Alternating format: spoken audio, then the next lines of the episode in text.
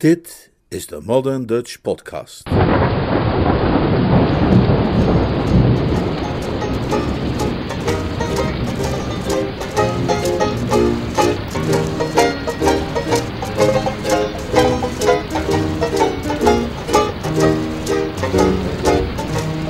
Noodweer op kasteel Blauwdings.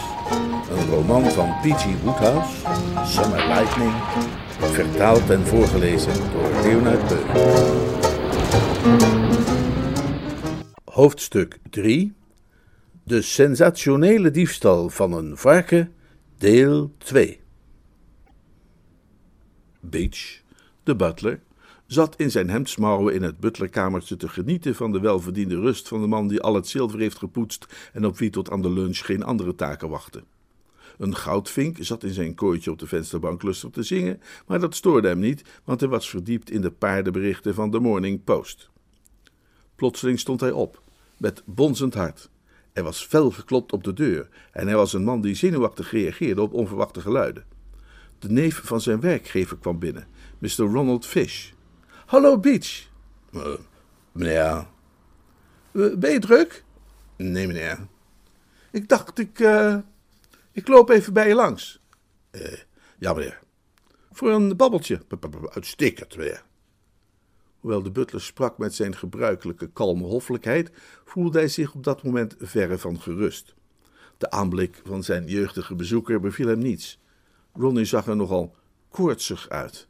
Hij friemelde met zijn vingers, zijn ogen glansden merkwaardig, zijn bloeddruk leek aanzienlijk verhoogd en op zijn wangen was de opperhuid verkleurd naar een extreem vermiljoen. Slang geleden dat wij zo gezellig gebabbeld hebben, Beach. Ja, meneer. Toen ik heel klein was, liep ik hier de hele dag in en uit. Ja, meneer. Ronnie leek een aanval van buitengemene sentimentaliteit te verduren te krijgen. Hij zuchtte als een honderdjarige die zich gelukkige uren herinnert uit een vorige eeuw. Dat, dat waren nog eens tijden, hè, Beach? Ja, meneer. Zonder zorgen en zonder problemen. En als ik al zorgen had, dan kon ik er altijd bij jou mee terecht. Ja, toch?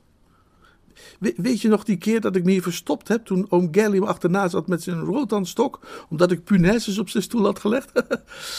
ja, meneer. Het, het scheelt niet veel, maar toen, toen heb je me gered. Je was trouw en toegewijd, een kerel uit duizenden. Ik heb vaak gedacht dat als er meer mensen op de wereld waren zoals jij, de mensheid een stuk gelukkiger zou zijn.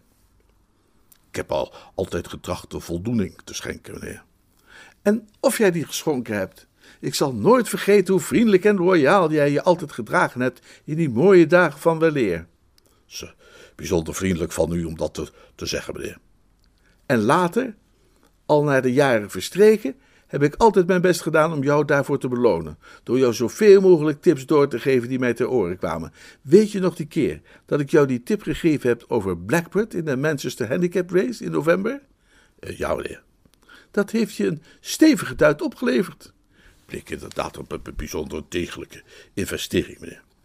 Ja, en dat ging maar zo door, hè. Als ik zo de jaren terugkijk, dan zie ik jou en mij steeds zij aan zij staan. Elkaar helpen, elkaar ondersteunen. Wij hadden altijd het beste met elkaar voor. Ik weet zeker dat jij altijd het beste met mij voor hebt gehad. Dat, dat zal zeker ook zo blijven, meneer. Dat weet ik, Beach, dat weet ik. Zo zit je gewoon in elkaar. En daarom weet ik ook zo zeker, zei Ronnie hem een liefdevolle blik toewerpend, dat als ik mijn ooms varken heb gestolen, jij mij zult helpen dat beest te voederen totdat ik het teruggeef. De butler had een gezicht dat nooit erg vlot van mimiek veranderde. En het duurde een tijdje voordat een uitdrukking van stomme verbazing zich over het gehele oppervlakte daarvan kon verspreiden. Zo'n uitdrukking bedekte misschien twee derde van zijn portret toen Ronnie verder sprak. Je moet namelijk weten, Beach, even strikt tussen ons tweeën, dat ik van plan ben de keizerin te kidnappen en haar een poosje verborgen te houden in dat boswachtershuisje in het Westerwoud. Zodat ik als Clarence dan na een poosje SOS-berichten begint uit te zenden en vette beloningen uit te loven, het beest daar kan uh, ontdekken en aan hem terugbezorgen om zo zijn eeuwige dankbaarheid te verdienen en hem in de juiste stemming te krijgen om mij een deel van mijn geld te geven, dat ik al de hele tijd van hem probeer los te peuteren. Kun je me volgen? De butler knipperde met zijn ogen. Hij trachtte zichtbaar het vermoeden te logen straffen dat zijn denkvermogen wellicht aan het achteruitgaan was. Hij zocht vruchteloos naar woorden, terwijl Ronnie hem vriendelijk toeknikte. Een uniek plan wilde je zeker zeggen, niet? En daar heb je groot gelijk in, dat is het ook. Maar het is wel zo'n plan dat valt of staat met de welwillende medewerking van een assistent. Want weet je, Beach, varkens zoals de keizerin vergen met regelmatige tussenpozen enorme hoeveelheden voedsel. Ik kan onmogelijk het hele bevoorradingsdepartement in mijn eentje bemannen. Daar ga jij me dus bij helpen. Want zo'n geweldige kerel ben jij. En altijd geweest. De butler begon nu rochelende geluiden te produceren.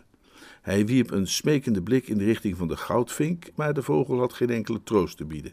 Hij bleef peinzend voor zich heen fluiten, als een man die in bad zit en zich een half vergeten melodietje probeert te herinneren. Enorme hoeveelheden voedsel hebben die beesten nodig, ging Rolly verder. Je staat ervan versteld. Hier kun je het lezen, in dit boek dat ik op mijn ooms bureau heb gevonden. Minstens zes pond meel per dag. En dan heb ik het nog niet eens over de melk of tapte melk met zemelen om het varkensdraf een beetje smeuig te maken. De butler vond eindelijk zijn spraakvermogen terug. Aanvankelijk bleef het bij een zwak geluid als de kreet van een angstig kind, maar uiteindelijk wist hij weer woorden te formuleren. Maar, maar, maar meneer Ronald. Ronnie staarde hem ongelovig aan. Een onbestaanbare vrees begon aan hem te knagen. Je gaat me toch niet vertellen, Beach, dat je mij in de kou wilt laten staan? Jij, de vriend van mijn kinderjaren? Hij lachte. Hij snapte zelf wel hoe belachelijk die gedachte was. natuurlijk niet, dat zou je niet eens kunnen. Behalve dat je mij natuurlijk graag een dienst wilt bewijzen, heb je uiteraard met jouw razende scherpe intelligentie al lang begrepen dat hier ook een geldelijke beloning aan vastzit. Tien pond in het handje, Beach. Je hoeft alleen maar ja te zeggen. En niemand weet beter dan jij dat 10 pond op baby bones in de claiming race op Madbury tegen de gangbare koers wil zeggen meer dan 100 pop in de oude sok als de winst is uitbetaald. Maar, maar meneer, maar, is toch onmogelijk. Ik, ik, ik zou niet durven. Als het ooit mocht, mocht, mocht uitkomen. Oh, werkelijk, ik vind niet dat u dit van mij kunt vragen, Mr. Ronald. Beach. Ja, maar, maar, maar, maar werkelijk, meneer. Ronnie keek hem dwingend aan. Denk eens goed na, Beach. Wie heeft jou Creole Queen gegeven in de Lincolnshire? Maar, maar, maar, maar, maar Ronald. Wie heeft jou Maserati gegeven in de Jubilee Stakes? Beach, wat een knaller. Er viel een gespannen stilte in het kamertje. Zelfs de goudvink hield zijn snavel. En het zal je misschien interesseren, zei Ronnie, dat ik vlak voordat ik uit Londen wegging een bijzonder waardevolle tip heb gekregen voor de Goodwood Cup. Er ontsnapte Beach een zacht gekreun. Alle butlers doen graag een gokje en Beach was al 18 jaar butler. Pure dankbaarheid voor gunsten uit het verleden zou wellicht niet genoeg zijn geweest om hem over te halen, maar dit was iets anders. Bij het inschatten van de kansen voor de verschillende deelnemers aan de Goodwood Cup had hij niet tot een bevredigend besluit kunnen komen. Hij had er geen chocola van kunnen maken. Dagenlang had hij in het duister rondgetast. Uh, jujube, meneer? Niet jujube, nee. Ginger, Ginger George? En ook niet Ginger George. Het heeft geen zin om verder te raden, want het lukt je nooit. Dit weten echt alleen twee insiders en de stalkat. Maar jij zult het ook weten, Beach, op hetzelfde moment dat ik dat varken teruggeef en mijn beloning krijg. En dat varken moet worden gevoerd. Nou, wat zeg je ervan, Beach? Een eindeloze minuut lang staarde de butler zwijgend voor zich uit. Daarna liep hij, vanuit het gevoel dat dit moment om een eenvoudige, symbolische handeling vroeg, naar het kooitje van de goudvink en hing er een groen lakense doek overheen. Hm. Vertel me dan eens precies wat u wilt dat ik voor u doe, meneer Ronald, zei hij. Een nieuwe dag gloorde op kasteel Blandings. Langzaam won het zonlicht aan kracht, totdat het tenslotte in Ronnie's slaapkamer wist door te dringen en hem wekte uit een rusteloze slaap. Slaperig draaide hij zich op zijn rug. Hij herinnerde zich vaag een wonderlijke droom over het stelen van varkens. In die droom had hij. Met een ruk zat hij rechtop. Alsof iemand hem koud water in het gezicht had gegooid, werd hij getroffen door het besef dat het helemaal geen droom was geweest. O hemel, zei Ronnie en hij knipoogde tegen het licht.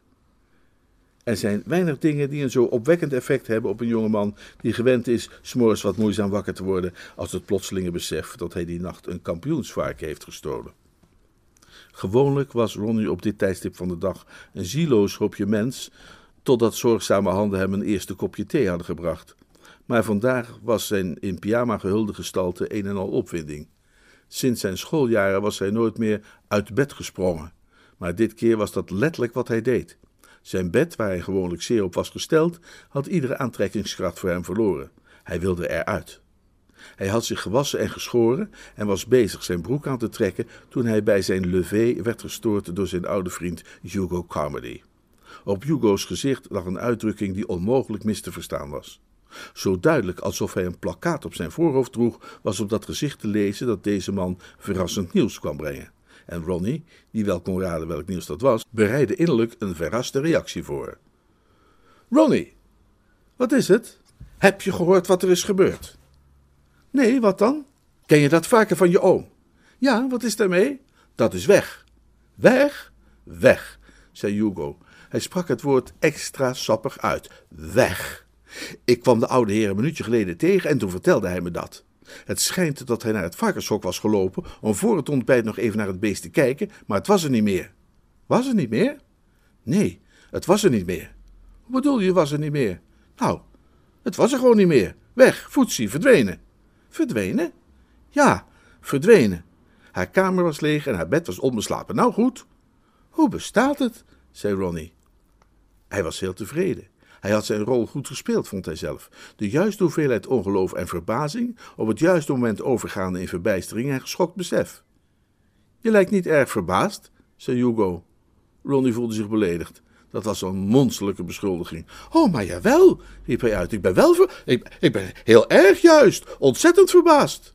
Hoezo zou ik niet verbaasd zijn? Oh, nou goed hoor, dan ben je wel verbaasd. Volgende keer alleen iets meer op en neer springen en zo als ik je sensationeel nieuws kon brengen. Maar ik zou je nog iets zeggen, zei Hugo, glimmend van tevredenheid. Elke medaille heeft zijn keerzijde. Elk nadeel zijn voordeel, weet je wel. Voor mij is deze kleine ramp een ware zegen. Het, het levert me 36 uur verlof op. Je oom stuurt me naar Londen om een detective in te schakelen. Een wat? Een detective? Een detective? Ronnie begon zich pijnlijk ongerust te voelen. Op detectives had hij niet gerekend. Van detectivebureau Argus. Ronnie's ongerustheid nam nog toe. Het leek allemaal opeens minder simpel dan hij had gedacht.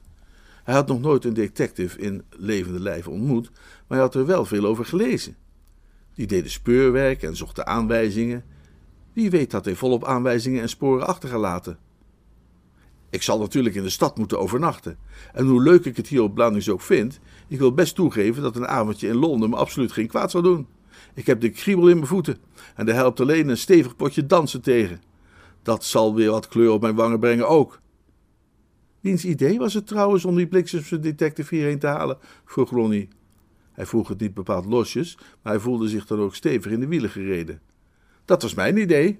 Aha, jouw idee dus. Inderdaad, mijn idee. Zo, zo, fijn is dat. En hij wierp Hugo een blik toe, zoals men die meestal niet voor een oude vriend bewaarde. Juist, zei hij chagrijnig. Nou, eh, ga dan maar gauw. Ik wil me graag even verder aankleden. Een ochtend doorgebracht in eenzame strijd met zijn schuldig geweten had Ronnie Fish behoorlijk van zijn stuk gebracht. Tegen de tijd dat de klok boven de stallen één uur sloeg, vertoonde zijn geestelijke conditie dan ook een opmerkelijke overeenkomst met die van wijlen Eugene Aram in de dodencel. Met gebogen hoofd ijsbeerde hij over het terras en er hoefde maar een vogeltje te fluiten of hij schrok al. Hij verlangde ontzettend naar Sue. Vijf minuutjes in haar gezelschap en hij was een ander mens, dat wist hij zeker. Het was afschuwelijk, overwoog Ronnie, om zo gescheiden te moeten zijn van het meisje waar hij van hield. Sue had iets dat Iets dat hij niet kon beschrijven, maar waar een mens helemaal van opknapte, als een krachtig medicijn, een tonicum. Zoals het menselijk equivalent van dat soort felroze drankjes dat je kon kopen, althans in de periode voordat de liefde voor de enige ware je al dat soort dingen had doen opgeven, bij die drogist op de Haymarket, om je er weer bovenop te helpen na een woeste nacht in de krochten van de wereldstad. De dichter, veronderstelde hij, moest aan een meisje als Sue hebben gedacht toen hij die beroemde woorden schreef: want angst en nog iets pompel mij, een zorgzame engel zoals gij. Op dat moment werden zijn meditaties onderbroken, doordat een stem vlak achter hem zijn naam sprak. Zeg Ronnie, luister eens. Het was zijn nichtje Millicent maar. Hij werd wat rustiger. Zo sterk is de behoefte van de man die een misdaad heeft begaan aan een vertrouweling, dat Ronnie zelfs heel even overwoog om zijn gruwelijke geheim met haar te delen, want Millicent en hij waren al heel lang uitstekend met elkaar bevriend. Maar hij zag er meteen ook weer vanaf. Zijn geheim was niet het soort geheim dat je gemakkelijk kon delen. De tijdelijke opluchting die dat bood woog niet op tegen de eindeloze ellende die het kon opleveren. Ronnie, heb jij Mr. Carmody ergens gezien? Hugo, die is met de trein van 10 uur 30 naar Londen gegaan. Naar Londen? Waarom? Hij is naar het Argus Detective Bureau om een speurder in te huren. Om onderzoek te doen naar dat gedoe met de keizerin? Ja, Millicent lachte. Ze vond het een komisch idee. Ik zou het gezicht wel eens willen zien van die meneer Argus. Als hij erachter komt dat hij straks helemaal hierin is gekomen om een stom varken op te sporen. Het zou me niks verbazen als hij Hugo een oplawaai zou verkopen met zijn vergrootglas. haar gelach stierf plotseling weg. De blik in haar ogen leek erop te duiden dat er plotseling een onaangename gedachte bij haar was opgekomen. Ronnie? Ja, hallo? Zal ik je eens wat zeggen? Ja, wat? Ik vertrouw het niet. Wat vertrouw je niet? Nou ja, ik weet niet wat jij ervan vindt, maar zo'n Argus Detective Bureau staat natuurlijk gewoon in het telefoonboek. Waarom heeft oom Clarence die lui niet gewoon opgebeld en gevraagd of ze iemand wilde sturen? Nou, daar heeft hij waarschijnlijk niet aan gedacht. Wiens idee was het trouwens om een detective te laten komen? Van Hugo. En hij heeft zelf voorgesteld om naar Londen te gaan om er een te halen? Ja. Dat dacht ik al, zei Millicent somber. Wat bedoel je? Millicent's ogen vernauwden zich en ze trapte nijdig naar een worm die toevallig voorbij kwam. Ik vertrouw het voor geen cent, zei ze. Daar zit een luchtje aan. Dit is veel te ijverig. Als je het mij vraagt, dat onze Hugo zo zijn eigen reden om een avondje in Londen te willen doorbrengen. En ik geloof dat ik wel weet wat die reden is ook. Heb je wel eens gehoord van een meisje met de naam Sue Brown? De schok die die opmerking Ronnie gaf, overtrof alle andere schokken die hij die ochtend al had moeten incasseren. En dat waren er vele en zwaardere geweest. Dat meen je niet. Wat meen ik niet? Dat Hugo iets heeft met Sue Brown. Oh nee? Ik heb het anders uit een betrouwbare bron. De worm had die dag weinig geluk. Hij was juist bij Ronnie aangekomen en ook die gaf hem een schop. De worm kreeg het gevoel dat het schoenen regende die ochtend. Ik eh, moet even naar binnen om een telefoontje te plegen, zei Millicent opeens kortaf. Ronnie merkte haar vertrek nauwelijks op. Hij had die ochtend naar zijn eigen gevoel al heel wat stevig denkwerk achter de rug. Maar vergeleken bij de hersenactiviteit die hij nu opeens tentoonspreidde, hadden zijn grijze cellen tot dan toe hoogstens stationair gedraaid. Dit kon niet waar zijn, zei hij tegen zichzelf.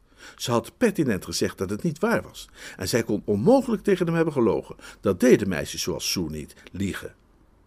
En toch. De gongslag voor de lunch klonk door de tuin. Eén ding stond in ieder geval vast.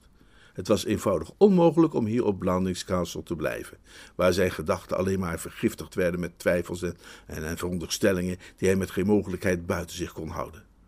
Als hij zodra deze gruwelijke maaltijd achter de rug was, meteen in zijn sportwagen stapte en wegreed, kon hij nog voor acht uur in Londen zijn. Dan kon hij naar Sue's huis gaan en van haar eens te meer de verzekering krijgen dat Jumo Carmody, zo knap en zo slank als hij mocht zijn, en hoe geweldig hij ook werkelijk saxofoon kon spelen, echt helemaal niets voor haar betekende. Dan kon hij haar mee uit eten nemen en tijdens de maaltijd de zorgen die zijn hart bezwaarden aan haar voorleggen. Als hij daarna Gesterkt door haar troost en goede raad weer in zijn wagen sprong, kon hij de volgende dag tegen lunchtijd weer terug zijn op Blandings. Het was natuurlijk niet dat hij haar niet onvoorwaardelijk vertrouwde, maar toch. Ronnie ging naar binnen voor de lunch.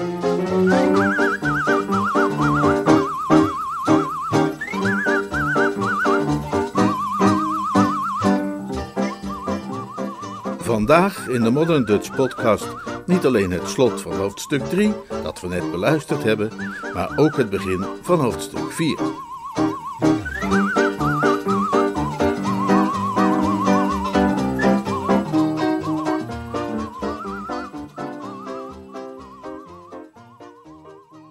Dit is de Modern Dutch Podcast.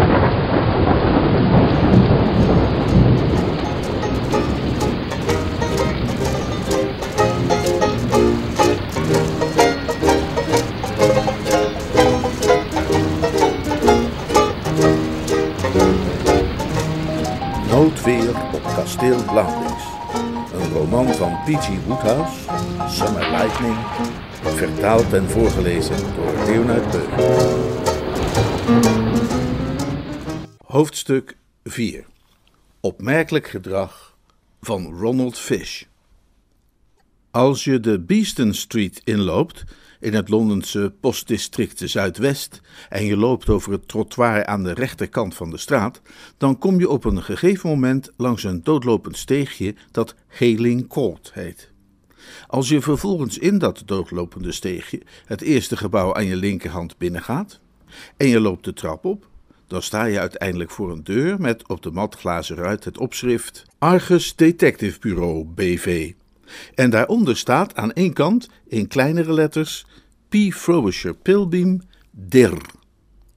En als je op ongeveer hetzelfde moment dat Ronnie Fish in de garage van kasteel Blandings in zijn auto stapte, door die deur naar binnen zou zijn gegaan, en er vervolgens in geslaagd was het keurige kantoorknechtje dat je daar aantrof ervan te overtuigen dat je een serieuze bezoeker was, die niets te maken had met de verkoop van levensverzekeringen, patentgeneesmiddelen of in leder gebonden volledige uitgaven van Dumas, dan zou je tenslotte worden toegelaten tot de doorluchtige aanwezigheid van de der persoonlijk. P. Frobisher Pilbeam zat achter zijn bureau en las een telegram dat tijdens zijn lunch was gearriveerd. We leven in een tijdperk waarin jonge mensen er vaker dan ooit voor kiezen een eigen zaak te beginnen. Zij willen zich niet geketend voelen door geen baas gecommandeerd en weigeren hun leven lang 48 uur per week te ploeteren voor een mager salarisje. Al heel vroeg in zijn carrière had Pilbeam ingezien waar het grote geld te verdienen viel en besloten daarvoor te gaan.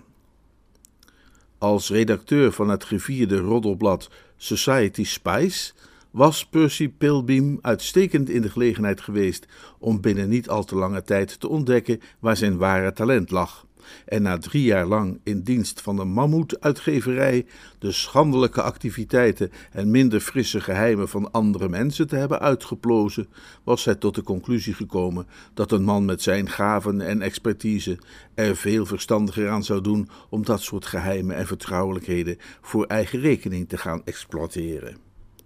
Tot grote verontwaardiging van Lord Tilbury, het opperhoofd van de mammoetuitgeverij, had hij zijn ontslag ingediend en bevond hij zich sindsdien in opmerkelijk gunstige financiële omstandigheden.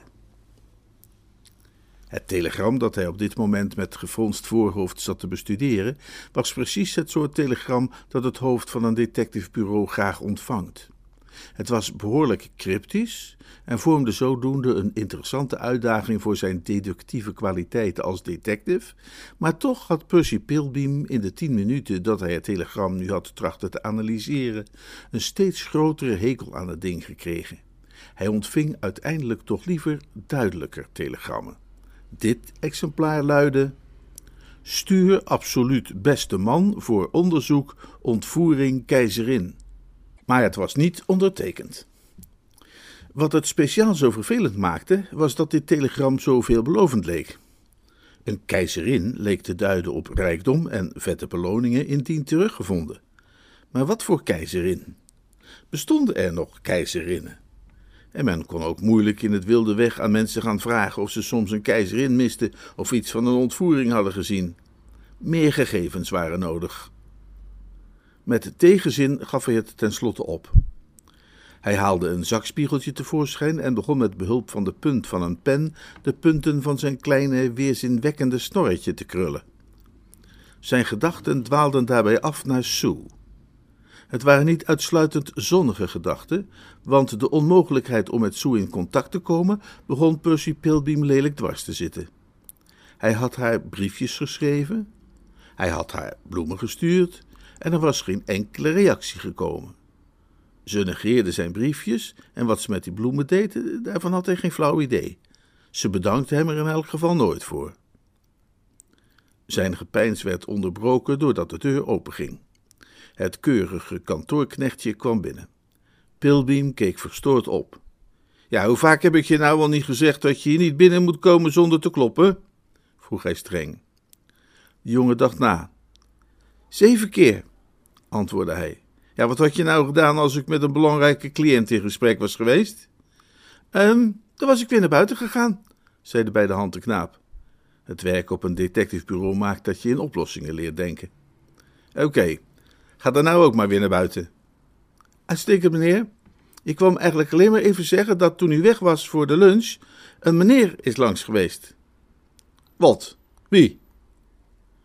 De jeugdige kantoorklerk, die graag de juiste sfeer creëerde en de hoop koesterde ooit te worden gepromoveerd tot dezelfde rang als Mr. Murphy en Mr. Jones, de twee assistentspeurders die hun kantoor hadden op de benedenverdieping, kwam even in de verleiding om te zeggen dat er uit het uiterlijk van de bezoeker weinig viel op te maken, behalve het voor de hand liggende feit dat hij een vrijmetselaar was, linkshandig, vegetariër en dat hij het Verre Oosten had bezocht. Hij constateerde echter dat zijn werkgever op dit moment niet erg in de stemming was voor zulke opmerkingen. En zeker Mr. Carmody, meneer. Mr. Hugo Carmody. Aha. Pilbeam vertoonde enige interesse. Hebt u gezegd of hij nog terug zou komen? Hij opperde die mogelijkheid, meneer. Goed, nou, als u komt, waarschuwt dan Mr. Murphy en zegt dat hij meteen boven komt als ik bel. De jongen vertrok en Pilbeam richtte zijn gedachten weer op Sue. Hij wist nu echt zeker dat haar houding hem niet beviel. Haar houding had hem gekwetst. En wat hem trouwens ook helemaal niet beviel, was de zwijgzaamheid van portiers van artiesteningangen als het ging om de privéadressen van leden van het dansgezelschap. Het leek werkelijk onmogelijk om dat meisje persoonlijk te leren kennen. Er klonken acht beleefde klopjes op de deur. De jongeling mocht dan af en toe wat vergeetachtig zijn. Gewetensvol was hij in elk geval. Hij had het gemiddelde hersteld. Ja, hier is Mr. Carmody voor u, meneer. Pilbeam verwees Sue andermaal naar de achtergrond van zijn gedachten, want zaken zijn tenslotte zaken. Laat hem maar binnen. Hierheen alstublieft, meneer, zei het kantoorknechtje met een ouderwetse hoffelijkheid en zwier die zijn problematische keelamandelaas deed vergeten. En Hugo kuierde over de drempel. Hugo zag er vrolijk en gelukkig uit en zo voelde hij zich ook. Het was alsof hij de zonneschijn met zich meebracht. Niemand kon meer gehecht zijn aan kasteel Blandings en het gezelschap van zijn Millicent, maar een bezoekje aan Londen deed hem toch ook heel erg goed. En hier is, als ik mij niet vergis, onze cliënt, Watson, zei Hugo opgewekt. Zijn stemming was dermate gelukzalig dat hij bereid was zelfs de afstotelijk ogende jonge man die opstond uit zijn stoel achter het bureau in alle hartelijkheid tegemoet te treden. Percy Pilbeam had veel te kleine oogjes en die stonden veel te dicht bij elkaar. Bovendien droeg hij zijn haar dusdanig gruwelijk gepommadeerd dat ieder weldenkend mens er onpasselijk van werd. Maar op een dag als vandaag zag Hugo hem als een broeder, een medemens als alle anderen. Hij wierp hem een stralende glimlach toe. Hij bleef weliswaar vinden dat Pilbeam die rode das eigenlijk niet had moeten dragen bij die puistjes. Het was het een of het ander, niet allebei. Desondanks glimlachte hij naar hem. Lekker weertje, zei hij. Wat u zegt, zei Pilbeam. Heerlijk, heerlijk die geur van asfalt en CO2. Ja, inderdaad. Sommige mensen zouden Londen misschien wat benauwd willen noemen op een middag als deze, maar zo niet Hugo Carmody. Oh nee? Nee, voor H. Carmody is dit precies het juiste recept. Hij ging zitten. Wel, beste speurder, zei hij, ter zake. Ik was voor de lunch al even hier, maar toen was u er niet. Ja, dat klopt. Maar ik ben teruggekomen en ik neem aan dat u wel zou willen weten waarom. Wel, uh, als u zover bent, zei Pilbeam geduldig. Hugo strekte zijn lange benen gemakkelijk uit. Tja, ik weet dat jullie detectives altijd graag willen dat men begint bij het begin en geen detail overslaat, hoe klein ook, omdat onmogelijk te zeggen is hoe belangrijk ook een schijnbare trivialiteit uiteindelijk kan blijken te zijn. Als ik geboorte- en kinderjaren dan toch even oversla, moet ik misschien eerst vertellen dat ik op dit moment privésecretaris ben van Lord Emsworth op kasteel Blandings in Shropshire. En, ik mag wel zeggen, zei Hugo, een verdomd goede privésecretaris. Er zijn mensen die er anders over denken, maar zo zie ik het toch. Kasteel Blandings? Een gedachte had de eigenaar van het Argus Detective Bureau getroffen. Hij rommelde in zijn bureaula en haalde het geheimzinnige telegram tevoorschijn. Ja, precies wat hij had gedacht. Dat telegram was verstuurd vanuit het postkantoor in een plaatsje dat Market Blandings heette. Weet u hier misschien iets van? vroeg hij en schoof het telegram over het bureau in Hugo's richting. Hugo wierp een blik op het document. De oude heer moet dit hebben het gestuurd nadat ik al was vertrokken, zei hij. Het ontbreken van een ondertekening valt ongetwijfeld te wijten aan de spanning waaronder hij leeft. Lord Emsworth voelt zich compleet verslagen, helemaal in de war, geschokt tot op zijn fundamenten, om zo te zeggen. In verband met die ontvoering. Precies, die heeft hem heel zwaar getroffen. Pilbeam greep naar pen en papier. Hij had een onderzoekende, vastberaden, bloedhondachtige blik in zijn ogen gekregen. Vertelt u mij eens het hele verhaal. Hugo dacht een ogenblik na. Er was dus een koning in een land hier ver vandaan. Nee, nee hoor, ik lieg. Het was in Shropshire, op kasteel Blandings. En daar is dus een keizerin ontvoerd, begrijp ik? Niet een keizerin, de keizerin. Ja, dat las ik in dat telegram, ja. Die telegrafisten maken er maar wat van. Als ze de tekst niet snappen, dan veranderen ze die gewoon. Het gaat niet om een keizerin, maar om de keizerin. De keizerin van Blandings. Het is Lord Emsworth varken dat is gestolen. Een varken? riep Percy Pilbeam uit. Hugo keek hem een beetje bezorgd aan. U weet toch wel wat een varken is? Zo niet, dan vrees ik uh, dat ik nog wel het een en ander zal moeten uitleggen. De gelukzalige dromen van rijkdommen en vette beloningen, waarin de eigenaar van het Argus Detective Bureau was opgegaan, spatten uiteen als even zoveel zeepbellen. Hij voelde zich diep beledigd. Hij was een man met weinig idealen, maar hij koesterde een grote liefde in zijn leven. En dat was het detectivebureau dat hij eigenhandig had opgebouwd en winstgevend had weten te maken, ondanks alle gevaren en onzekerheden die detectivebureaus bedreigen in hun jonge jaren. En de gedachte dat van hem werd verwacht dat hij zijn hele complexe en hooggespecialiseerde organisatie zou gaan inzetten voor het zoeken naar een stom varken, riep alleen maar, zoals Millicent al had voorspeld, verontwaardiging bij hem op. Denkt Lord Emsworth nou werkelijk serieus dat ik tijd heb om naar een gestolen varken te gaan lopen zoeken? Dat zijn bijna precies dezelfde woorden als waarmee al die andere Sherlocks mij hebben afgepoeierd. Toen u daarnet niet thuis was, lichtte Hugo toe, heb ik mijn tijd zo goed mogelijk besteed door bij wat andere bureaus langs te gaan. Ik heb er bij elkaar een stuk of zes bezocht en overal namen ze dezelfde houding aan als u. Nou, dat verbaast me niks. Maar toch ontbreekt het hen, net als u, aan visie. Dat moet ik echt zeggen. Het varken waar het om gaat is namelijk geen gewoon varken. Het is een prijsvarken, een kampioensvarken. U moet daarbij niet denken aan een vrolijk beestje met een krullense staart dat een beetje in de modder rondspettert. Stelt u zich veel eer iets voor als de lievelingsdochter die ontvoerd is uit het ouderlijk huis. Het gaat hier om een serieuze zaak, dat verzeker ik u. Breng dat dier op tijd terug, dat wil zeggen nog voor de grote landbouwtentoonstelling, en u kunt Lord Emsworth alles vragen wat u wilt, tot zelfs zijn halve koninkrijk. Percy Pilbeam stond op. Hij had genoeg gehoord. Ik zal u Lord Emsworth helemaal nergens wat om gaan vragen. Het Argus Detective Bureau detecteert geen varkens? Tja, dat vreesde ik al. Nou ja, het zij zo. Mag ik in dat geval, zei Hugo minzaam, misschien even misbruik maken van de prachtige vriendschap die tussen ons is opgebloeid, om te vragen of ik een ogenblik uw telefoon mag hanteren?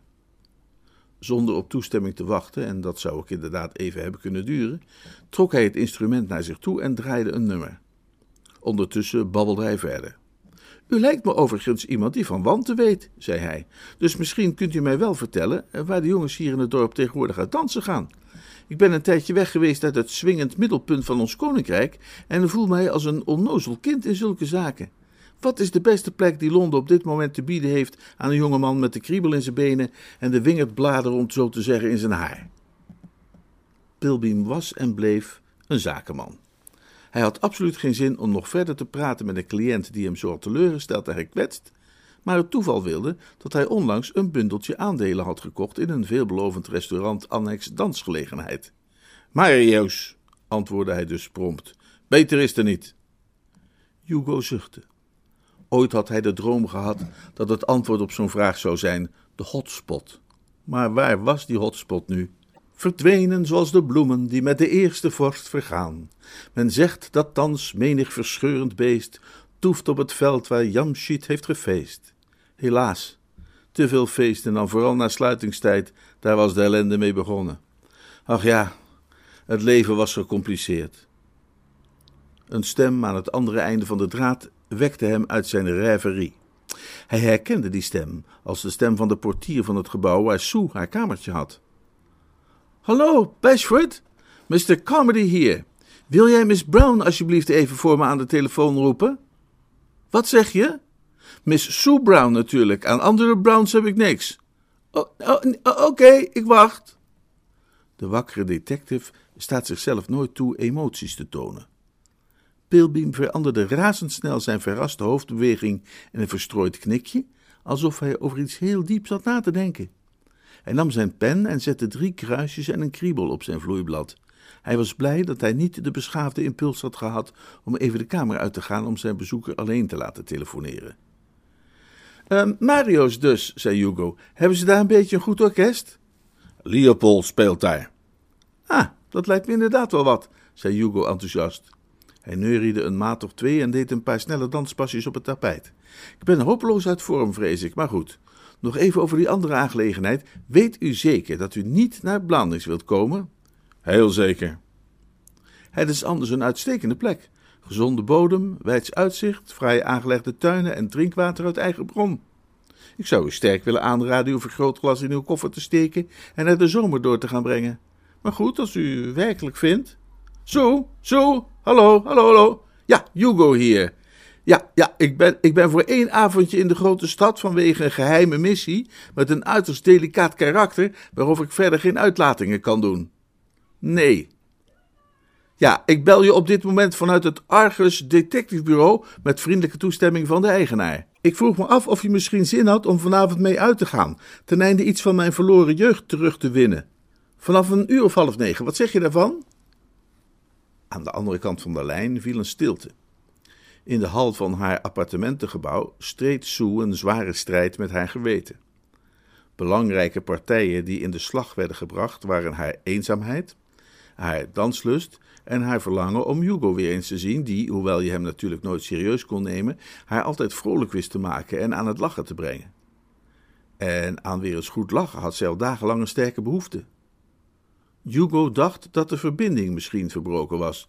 Hallo, hallo, hallo, hallo, riep hij nijdig in de hoorn. Hou eens op met dat gejodel, zei Sue. Je maakt me bijna doof. Sorry, kindje, ik dacht dat het apparaat ermee opgehouden was. Maar wat zeg je ervan? Doen? Nou, ik zou je heel graag weer eens zien, zei Sue aarzelend.